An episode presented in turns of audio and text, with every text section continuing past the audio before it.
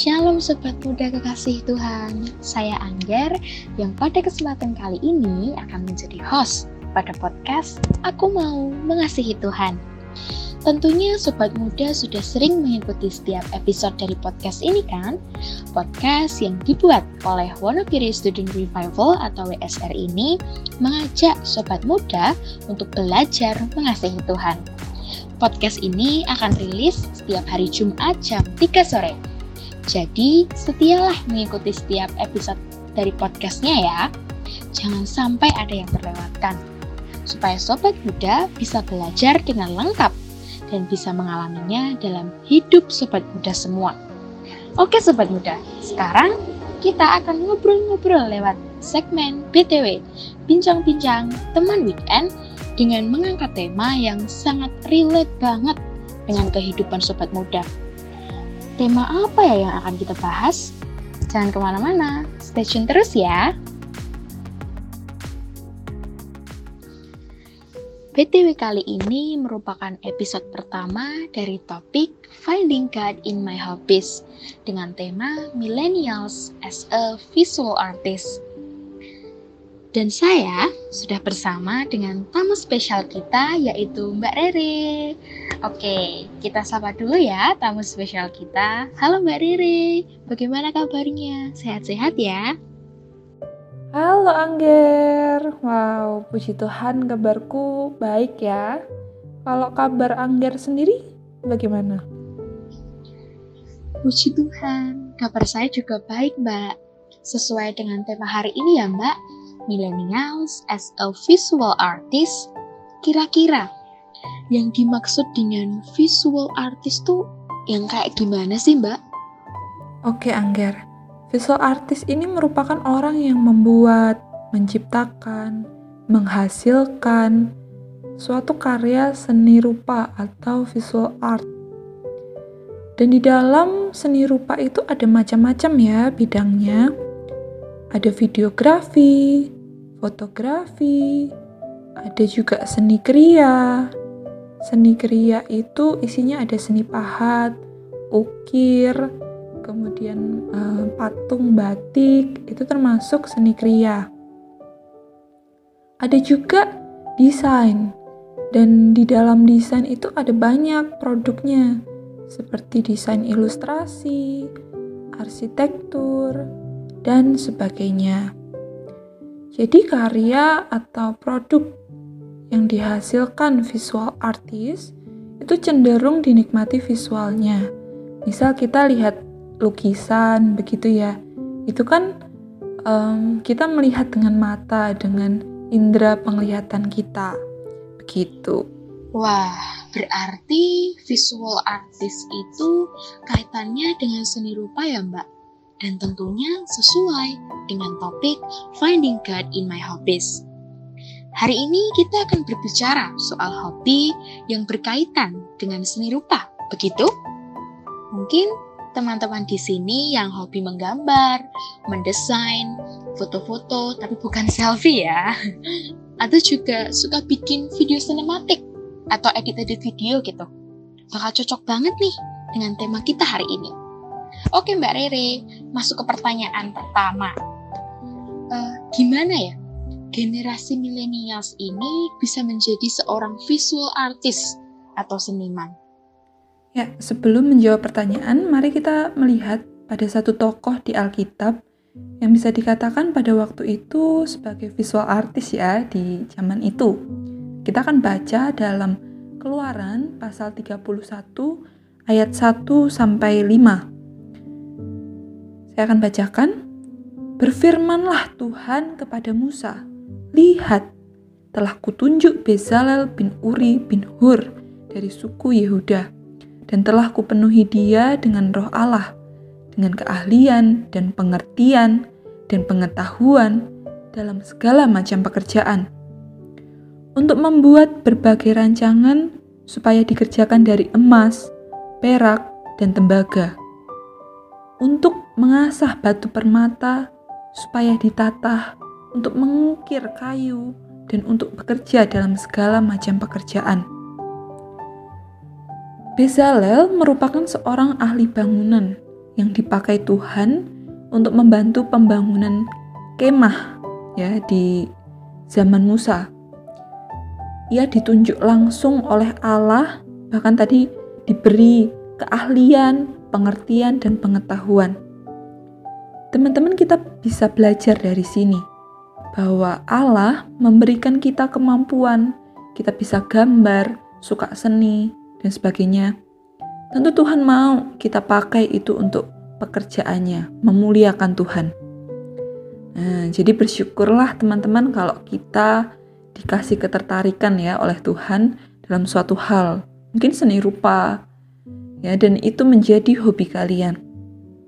Ditambah lagi, saat ini generasi milenial itu bisa dikatakan sangat mudah untuk menjadi seorang visual artist, di mana saat ini banyak media, tools yang bisa digunakan dan ditemukan.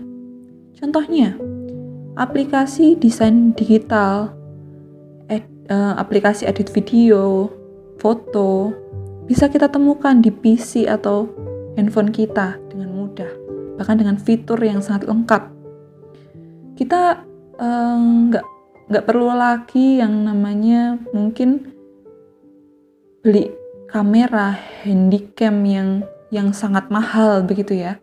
Tapi kita bisa pakai smartphone kita saat ini untuk rekam video, untuk ambil foto.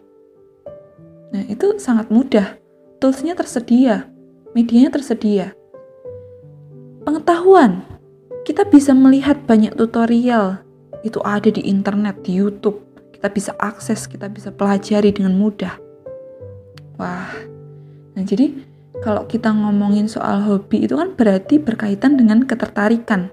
Orang yang tertarik pada suatu hal dia pasti ingin tahu, pengen belajar akan hal itu.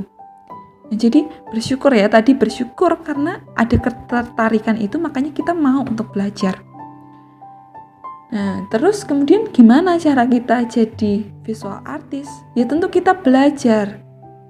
Kita memahami bidang itu mungkin videografi, fotografi, desain.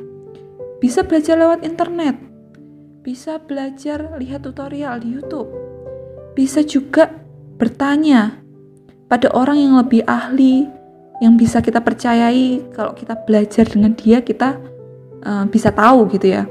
Nah, jadi bersyukur juga teman-teman untuk kemudahan dalam mengakses setiap pengetahuan yang ada saat ini.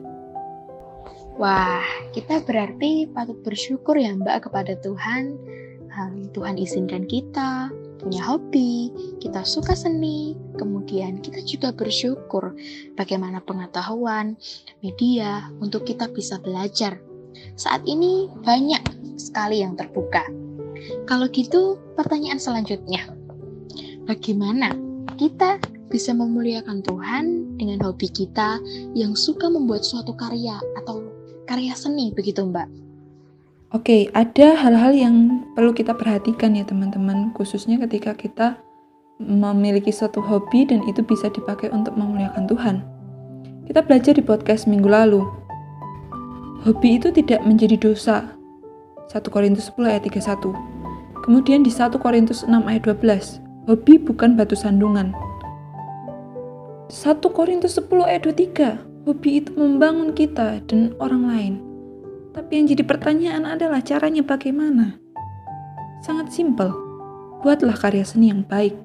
Karya seni yang tidak mengandung sara, tidak mengandung pornografi, tidak menyindir atau menyinggung pihak lain. Itu yang pertama. Yang kedua adalah menjaga hati kita. Tujuan hati kita apa?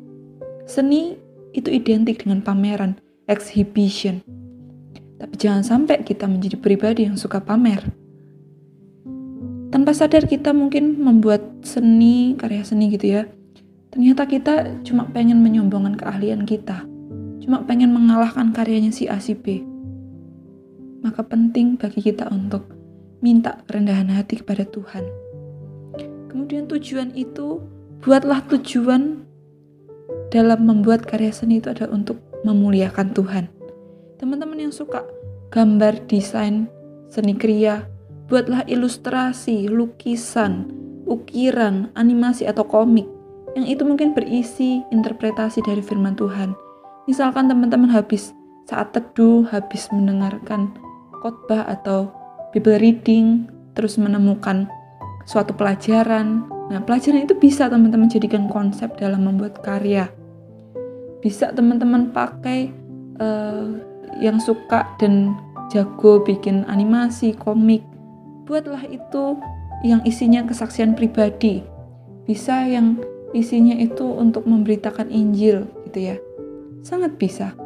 Atau menawarkan diri di dalam pelayanan gereja, persekutuan, mendesain PPT, PPT khotbah gitu ya, mendesain warta jemaat, mendesain flyer-flyer undangan uh, ibadah online gitu kali. Banyak kan yang bisa kita pakai untuk melayani Tuhan dan memuliakan namanya. Teman-teman yang suka fotografi, videografi, pasti senang dalam mengabadikan momen atau mungkin view pemandangan gitu ya. Pakailah itu untuk uh, memuji Tuhan, memuliakan Tuhan. Mungkin teman-teman bisa membantu gereja dalam membuat video untuk ibadah.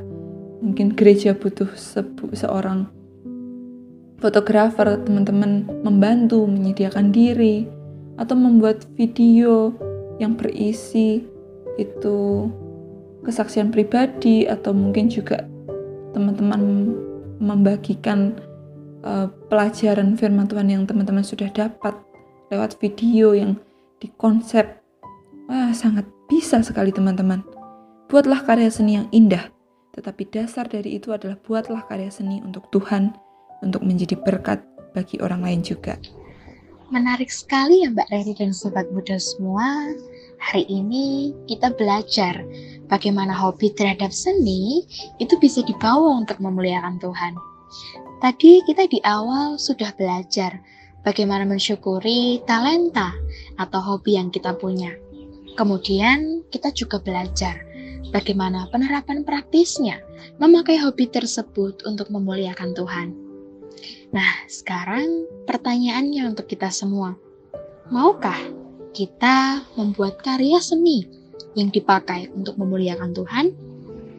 Saya tunggu deh visual artisnya Tuhan melahirkan karya-karyanya. Terima kasih Mbak Riri untuk sharingnya dan kebersamaannya dalam podcast kali ini. Tuhan memberkati Mbak Riri.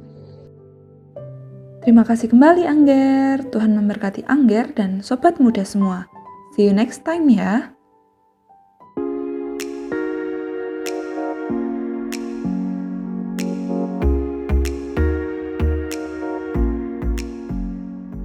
Sobat muda kekasih Tuhan, senang sekali ya kita bisa belajar bersama lewat bincang-bincang teman weekend.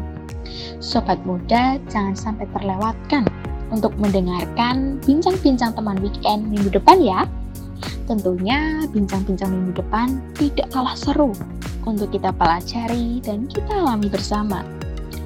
Kalau ada sobat muda yang ingin berdiskusi, bertanya, memberi masukan, boleh deh Sobat Muda sampaikan lewat Instagramnya WSR di @wsstudentrevival. Oke, sekian podcast kali ini. Gabung lagi minggu depan ya. Tuhan memberkati.